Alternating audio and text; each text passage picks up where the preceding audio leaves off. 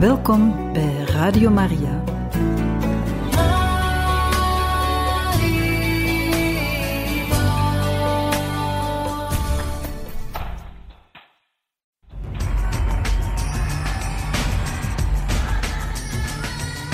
In e. In dit programma brengen we jullie nieuws uit Rome via Radio Vaticaan. Dit alles op Radio Maria. I giovani devono dirle al mondo è buono seguire Gesù, è buono andare con Gesù, è buono il messaggio di Gesù, è buono uscire da se stessi alle periferie del mondo e dell'esistenza per portare Gesù. Tre parole. Gioia, croce, giovani.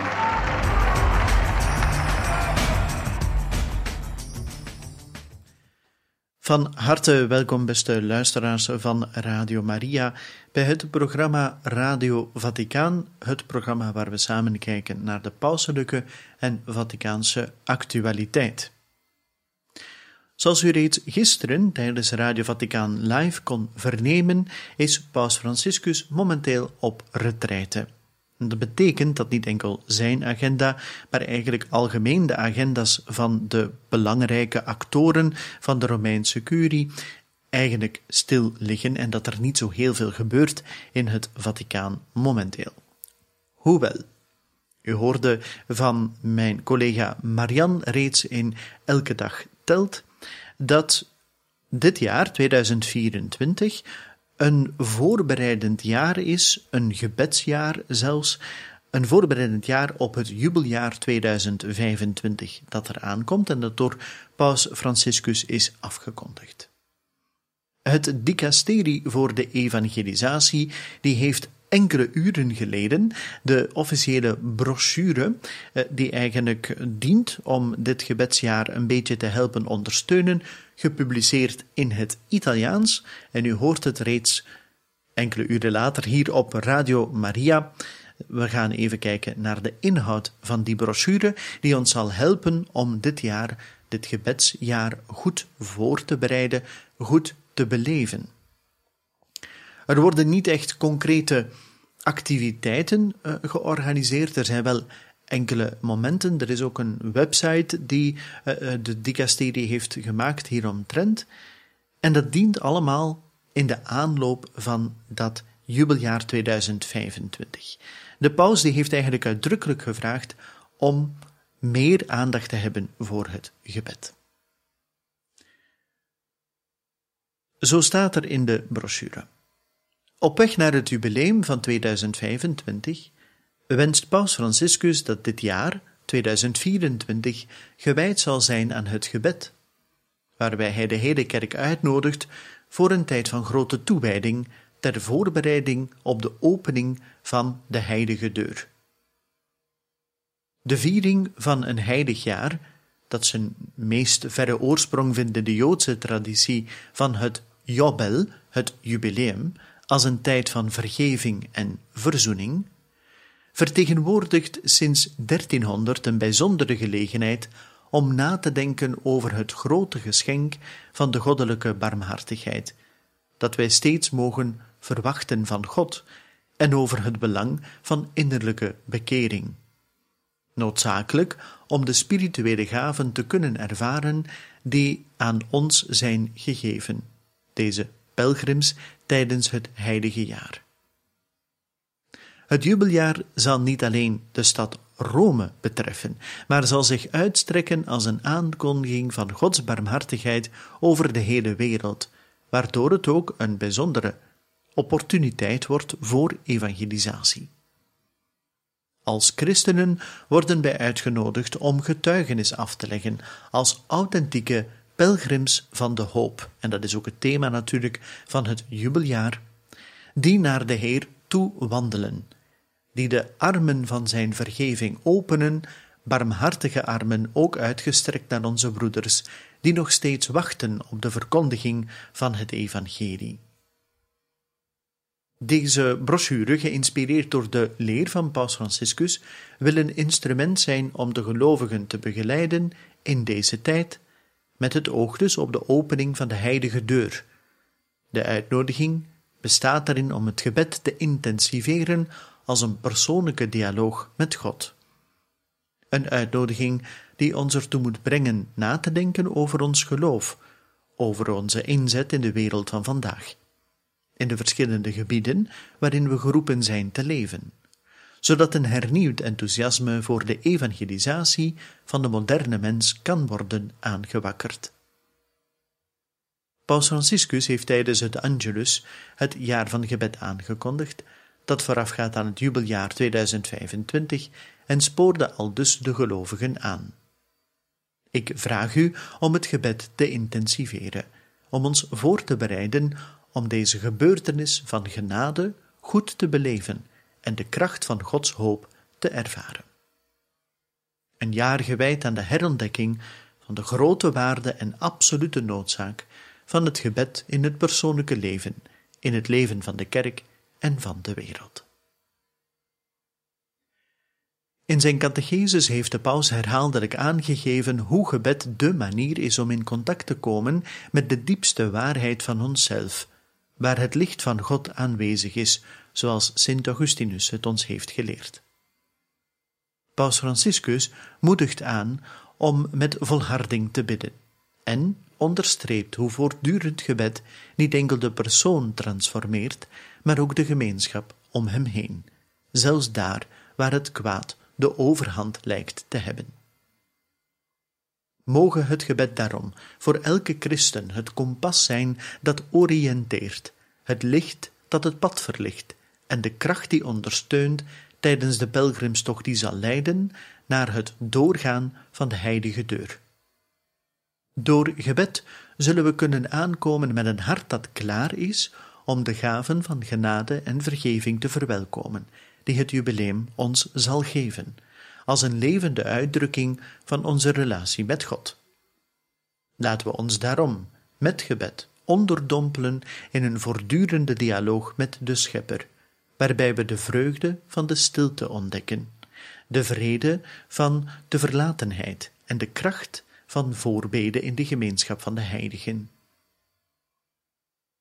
Deze brochure heeft als enige taak de geest van gebed te helpen vernieuwen in al die contexten waarin we dagelijks geroepen zijn te leven. Elk onderdeel ervan, van de betekenis van het gebed in de persoonlijke dimensie tot de praktijk ervan in het gemeenschapsleven, heeft tot doel reflecties, aanwijzingen en advies te bieden om de dialoog met de aanwezige Heer vollediger te beleven, in relaties met anderen en op elk moment van ons leven. En dat in periodes gewijd aan het gebed, in de parochiegemeenschap, in de gemeenschap van het gezin, bij en onder jongeren, in kloostergemeenschappen, catechese en spirituele retraites. Dat was de inleiding van, deze, van dit document dat het dicasterie heeft gepubliceerd. Wat zegt Paus Franciscus nu over het gebed? In het jaar van gebed 2024 zijn we geroepen om het jubileum van 2025 te naderen, in het bijzonder geleid door de onderrichtingen van Paus Franciscus over het gebed, zo zegt de tekst.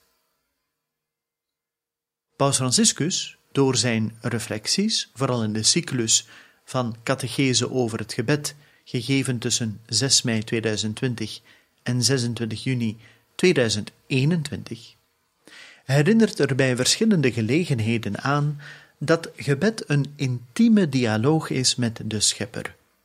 Een dialoog die begint vanuit het menselijk hart om het hart van God te bereiken. Zijn barmhartigheid, die in staat is ons leven te transformeren en in zijn eenvoud de rijkdom te vergroten van het leergezag van de kerk. Voor de christen moet het gebed de levensadem zijn.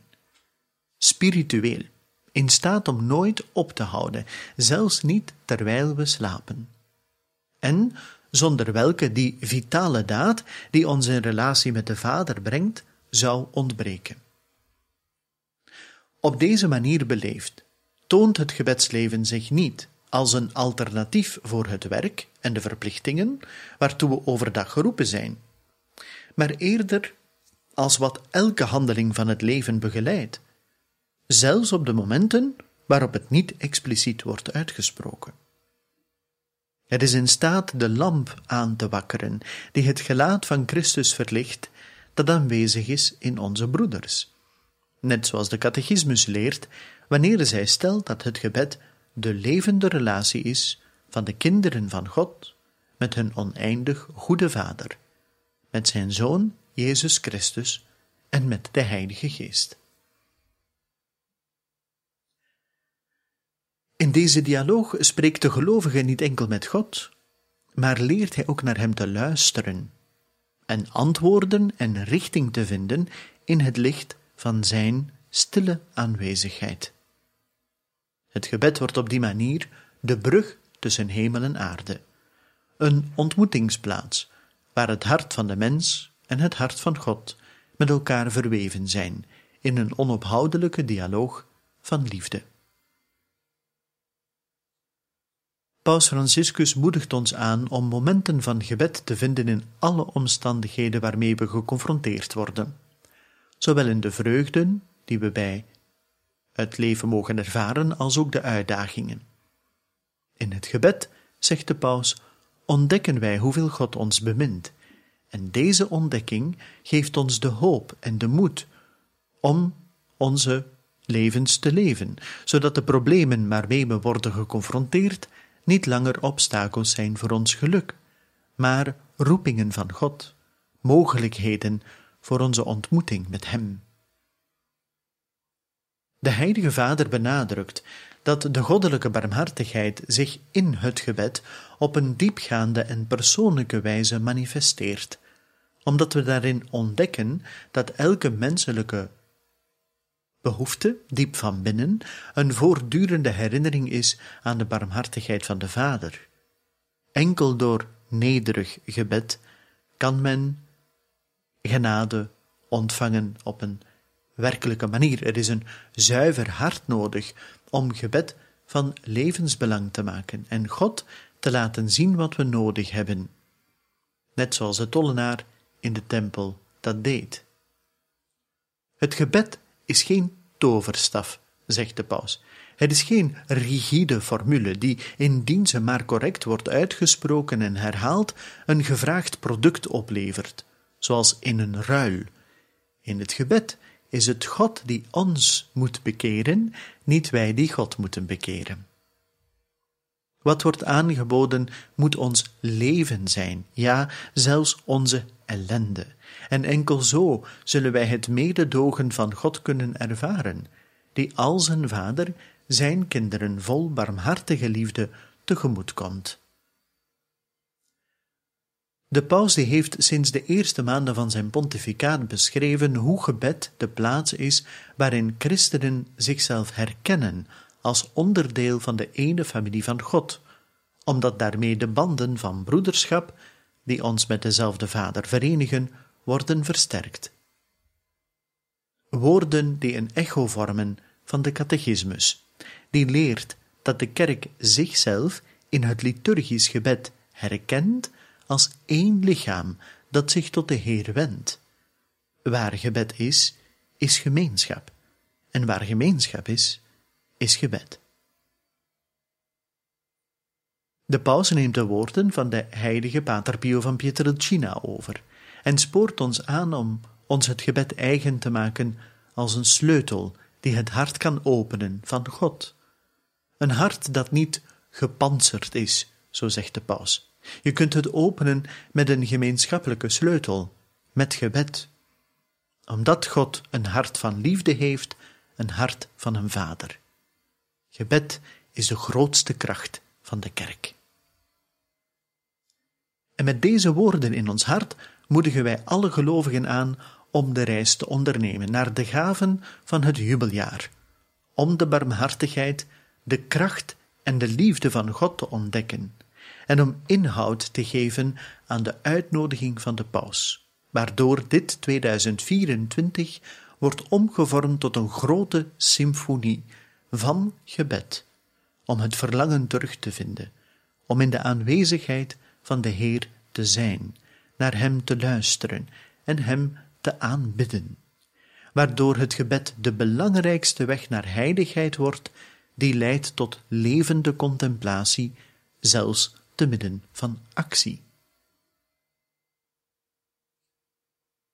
Laten we de 38 catecheses over het gebed die Paus Franciscus hield tussen mei 2020 en juni 2021 opnieuw in de hand nemen en ons laten leiden door zijn onderricht.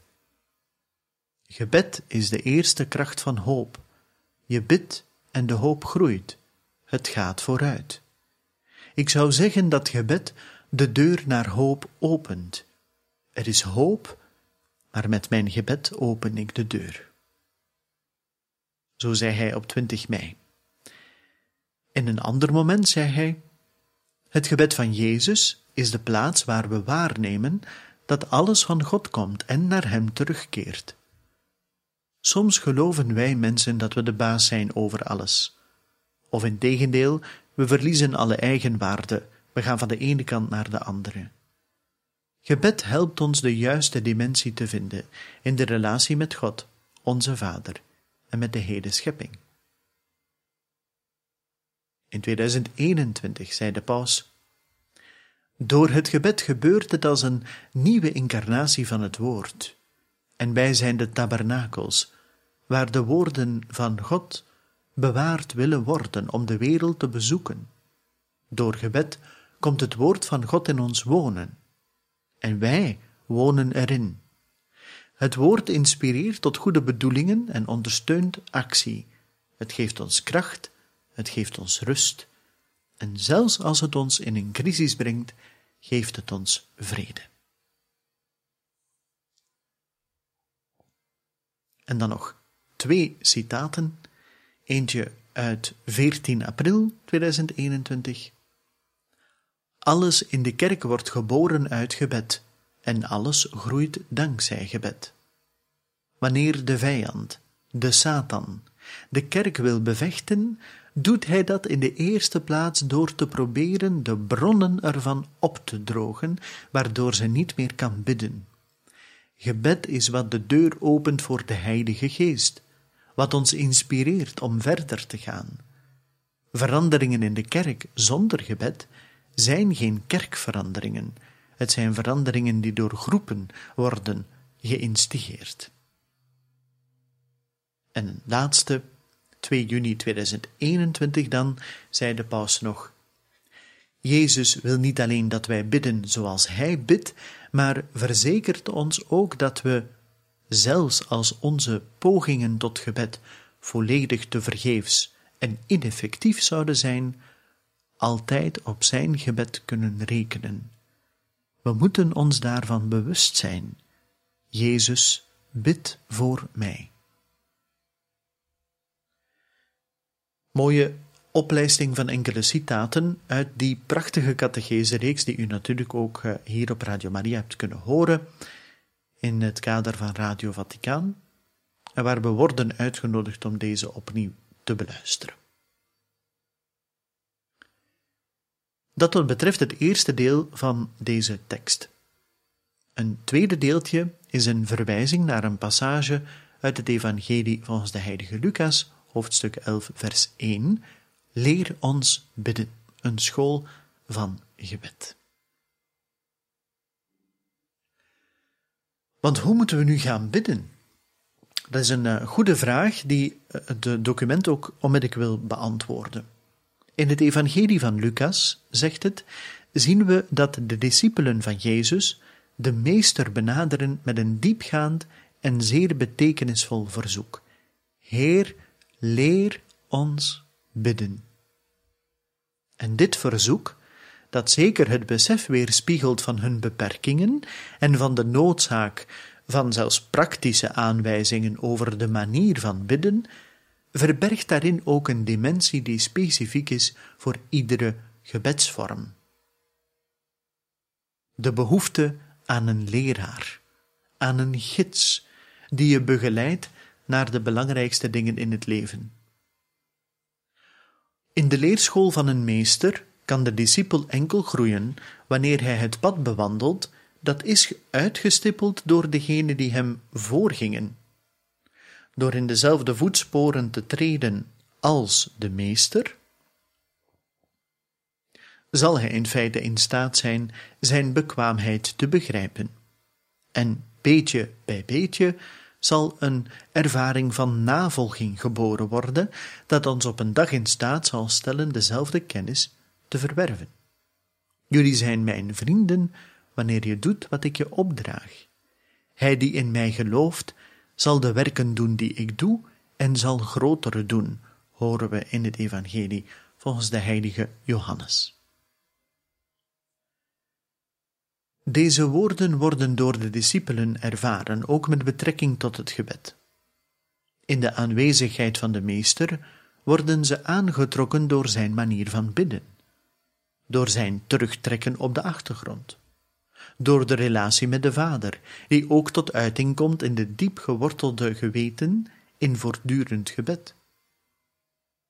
Zo wordt de aantrekkingskracht voor die relatie van zoonschap zo groot dat de apostelen ernaar verlangen om eraan deel te nemen.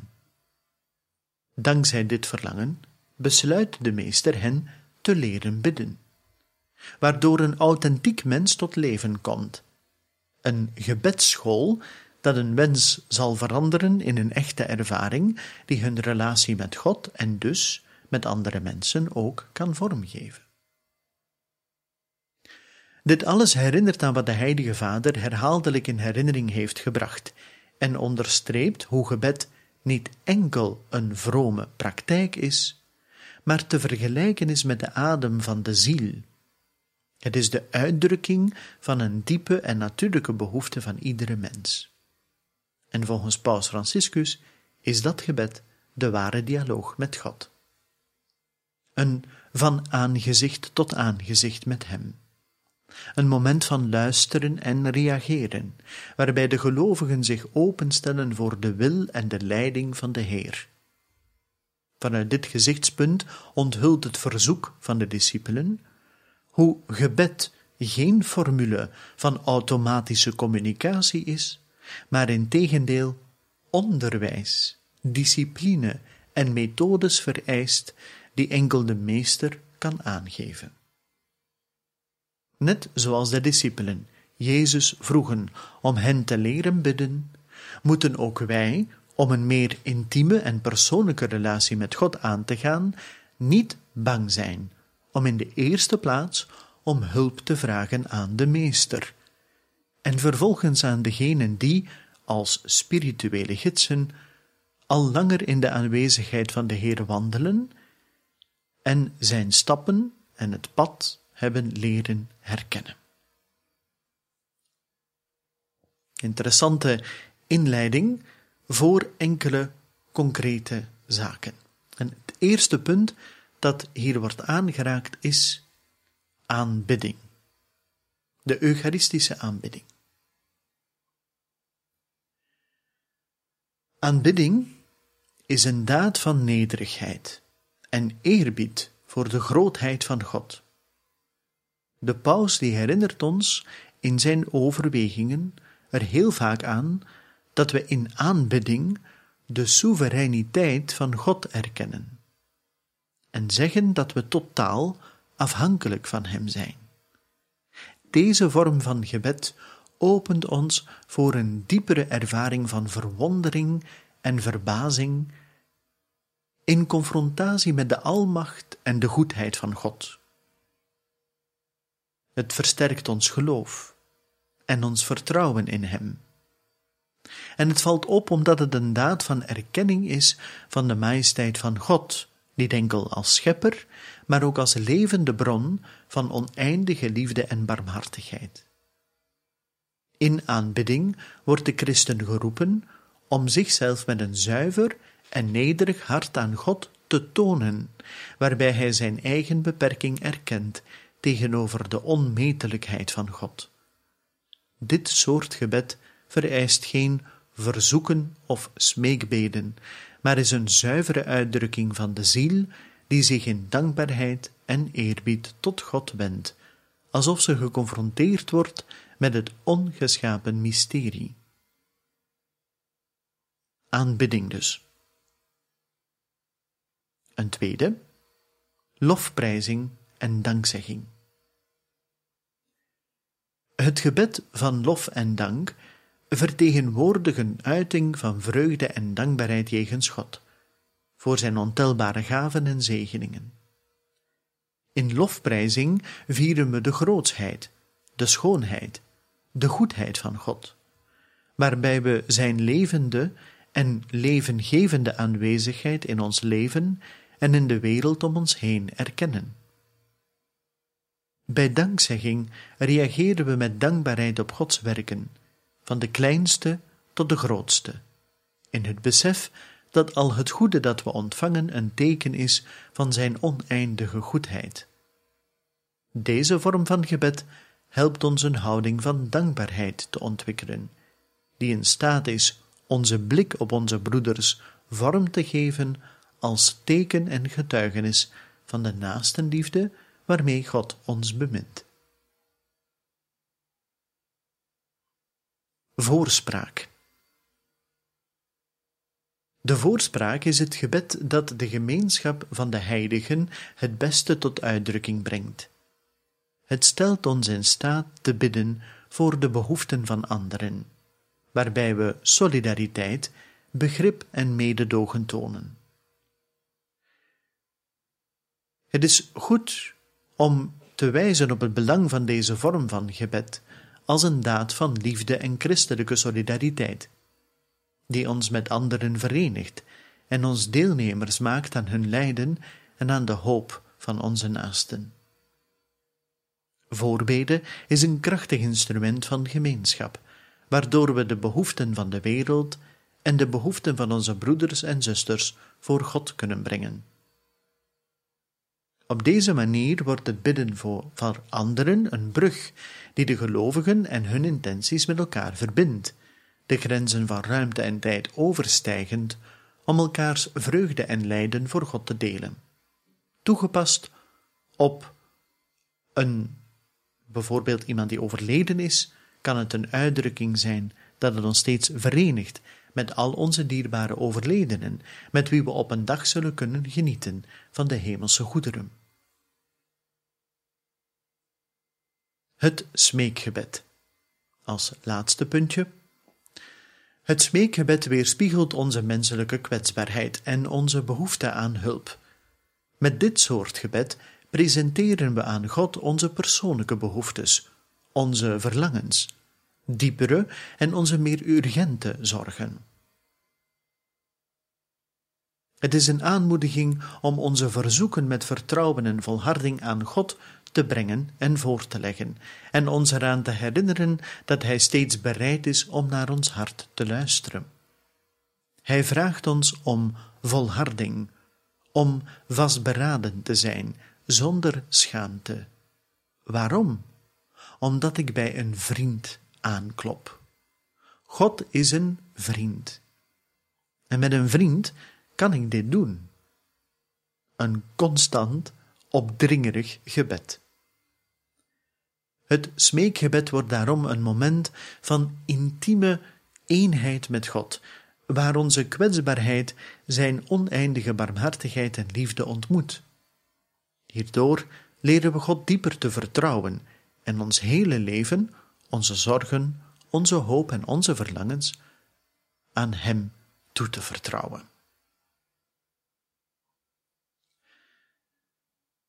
Hele mooie leidraad die ons kan helpen in deze periode van 2024, die dus werkelijk dient op vraag van Paus Franciscus, op vraag van de kerk, om ons voor te bereiden op het jubeljaar 2025. Wel, we gaan het onmiddellijk omzetten in, jawel, gebed, in daden van gebed en bidden samen met de paus het Angelus.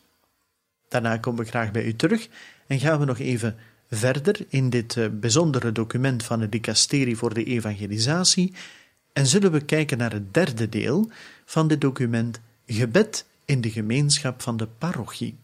Dat is voor zo dadelijk. Angelus Domini nunciavit Mariae. et concepit Spiritus Sancto. Ave Maria, gratia plena, Dominus tecum, benedicta tui mulieribus et benedictus fructus ventris tui, Iesus. Sancta Maria, Mater Dei, ora pro nobis peccatoribus, nunc et in hora mortis nostre. Amen. Ecce ancilla Domini. Fiat mi secundum verbum tuum. Ave Maria, gratia plena, Dominus tecum, benedicta tui mulieribus, et benedictus fructus ventris tui, Iesus. Sancta Maria, Mater Dei, ora pro nobis peccatoribus, nunc et in hora mortis nostre. Amen. Et verbum caro factum est. Et habitavit in nobis. Ave Maria, gratia plena, Dominus tecum, benedicta tui mulieribus, et benedictus fructus ventris tui, Iesus. Sancta Maria, Mater Dei, ora pro nobis peccatoribus, nunc et in hora mortis nostre. Amen. Ora pro nobis, Santa Dei Genitrix. Digni efficiamur promissionibus Christi.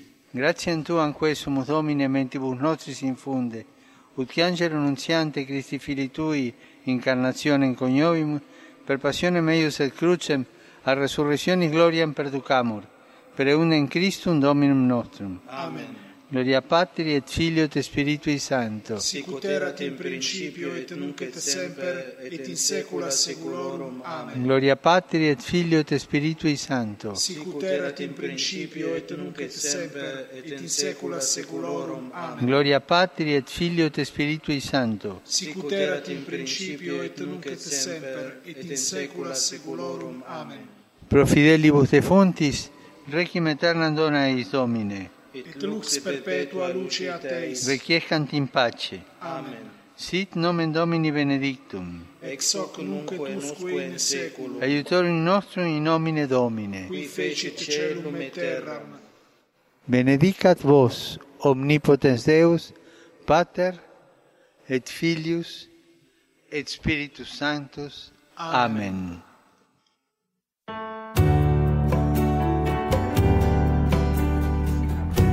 Welkom bij Radio Maria.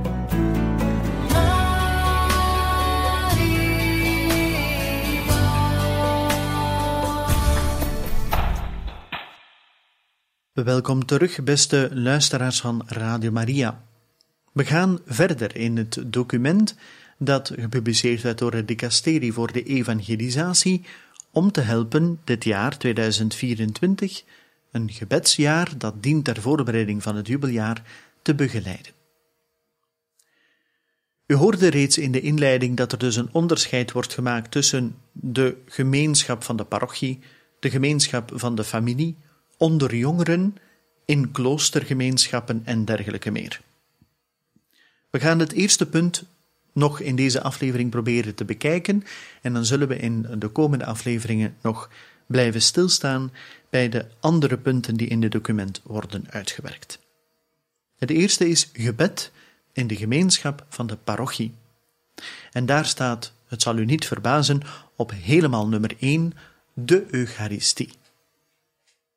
Het jaar van gebed, dat de voorbereiding vormt voor het jubileum van 2025, biedt een kostbare gelegenheid ter voorbereiding en een dieper onderzoek naar de ware betekenis van de Eucharistie. Om dit grote mysterie volledig te kunnen beleven, is een adequate neiging en gezindheid van hart en geest nodig, telkens wanneer men de Eucharistie nadert.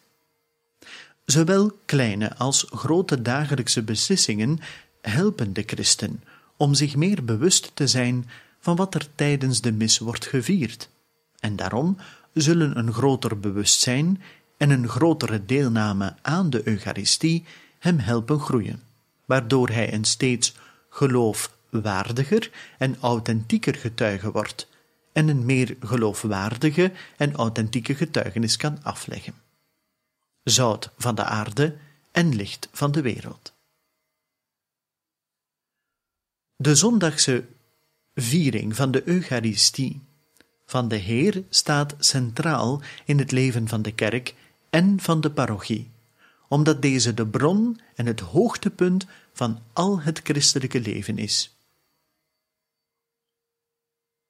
De gedenking van het Pasen van Christus en de uitvoering van zijn offer voor de redding van de mensheid. Het hoogste moment van gebed, dat op gemeenschapszin wordt beleefd, brengt de hele vergadering van mensen samen rond de tafel van het lichaam en bloed van Jezus Christus. Welke elementen zijn nu van belang bij de heilige mis? Het document noemt enkele puntjes. Ten eerste, bereid je goed voor op de heilige mis. Benader de Eucharistie met een korte persoonlijke voorbereiding in stilte, een ingetogen stilte die je helpt te ontsnappen aan het hectische tempo van het dagelijkse leven. En na te denken over het mysterie dat u gaat ervaren. Een paar minuten halt houden bij het tabernakel, waar het heilig sacrament aanwezig is. In de herkenning, die binnenkort zal plaatsvinden, en de gedachtenis aanwezig op het altaar, hij die zichzelf aan ons geeft in zijn ware lichaam. Bovendien zou het ook zeer nuttig zijn om vooraf de passages uit het woord van God te lezen die in de liturgie zullen worden verkondigd. Een tweede punt voor de Eucharistie. Maak het kruisteken op een goede manier. De woorden en gebaren die tijdens de eerste rituelen worden uitgevoerd, zorgen ervoor dat de ziel, het lichaam en de geest vanaf het begin bij de viering worden betrokken. Het kruisteken is in feite een compendium van ons hele christelijke geloof. Door onszelf op het lichaam, in het lichaam te markeren met het symbool van het kruis, gedenken we de incarnatie, de verlossing en de verrijzenis van de Heer.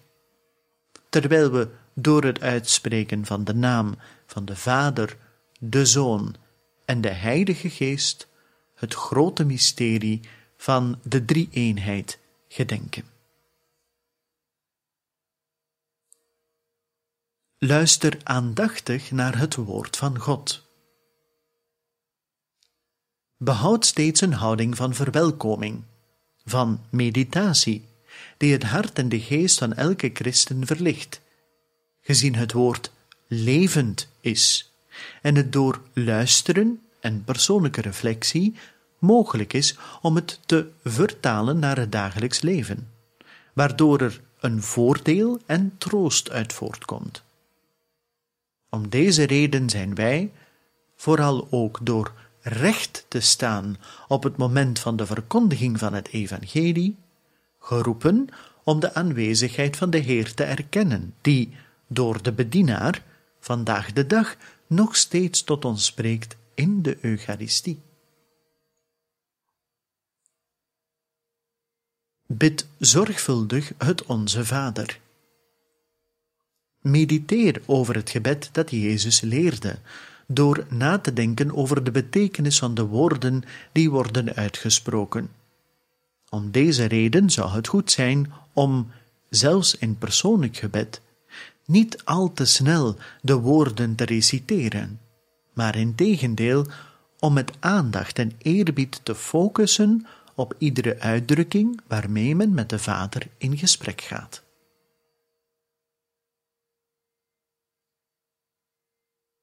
Jezus verwelkomen in de Eucharistie. Het gebroken brood wordt voeding voor het leven en de aanwezigheid van God die versterkt en ondersteunt.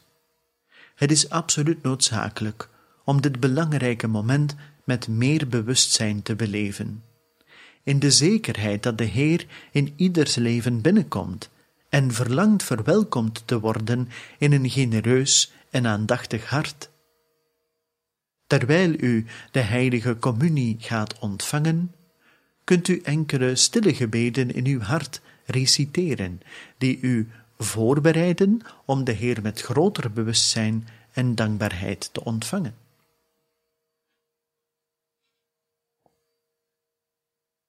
Ita missa est, ga in vrede. Bij de laatste begroeting worden we uitgenodigd om dragers van de vrede te worden en bij gevolg gevoed te worden aan de tafel van brood en wijn, geloofwaardige getuigen van Christus in de wereld.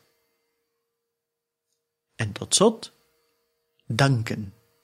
Voordat we de kerk verlaten, is het goed om even stil te staan bij de dankzegging. Voor het geschenk dat we bij de heilige communie hebben ontvangen. Het document raadt aan een minimum van vijf minuten. In het besef dat de Heer ons is komen bezoeken. Op deze manier zullen we de genade die in ons is zorgvuldiger kunnen bewaken en met zijn hulp de wereld tegemoet kunnen treden. Prachtige aanwijzingen voor het beter beleven van de Eucharistie.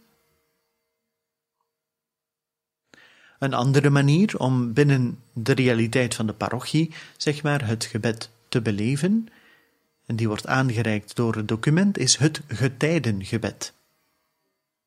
Bid zonder ophouden, het openbare gebed van de kerk.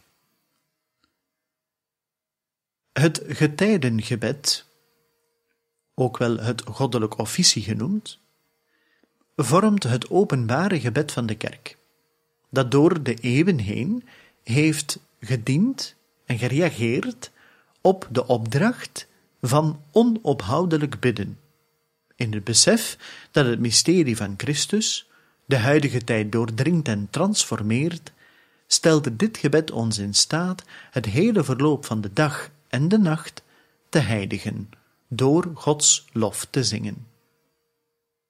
Heel het volk van God oefent het koninklijk priesterschap van de gedoopten uit. U één stem verenigend met Christus ter ere van de Vader. Om deze reden is het getijdengebed nooit een privéhandeling, maar behoort het toe aan het gehele lichaam van de kerk. En bovendien worden we, wanneer we het getijdengebed bidden, geheiligd door het woord van God, dat overal in het officie aanwezig is, op een bijzondere wijze in de psalmen, de centrale kern ervan, maar ook in de lezingen en andere liederen, teksten en gebeden, die hun inspiratie primair uit de Heilige Schrift halen. En we gaan voor vandaag hier halt houden bij de introductie dus tot het getijdengebed. Volgende keer gaan we verder en zullen we het hebben over het getijdengebed in de parochiegemeenschap. Wordt ook nog besproken door dit document. En verder in de parochie wordt ook het heilig uur besproken, 24 uur voor de Heer, wat een initiatief was van Paus Franciscus. Over de vastentijd, over eucharistische aanbidding wordt er gesproken. Welke elementen dat daarbij uh, belangrijk uh, kunnen zijn. En dan zullen we ook nog de andere thema's van dit document verder overlopen. Ik dank u van ganser harte voor het luisteren. En dan hoop ik dat u ook een volgende keer opnieuw op Radio Vaticaan afstemt en zullen wij verder gaan met dit document dat ons helpt dit jaar 2024, het gebedsjaar ter voorbereiding op het jubeljaar, goed te beleven. Ik dank u van ganser harte en wens u nog een zeer fijne dag toe.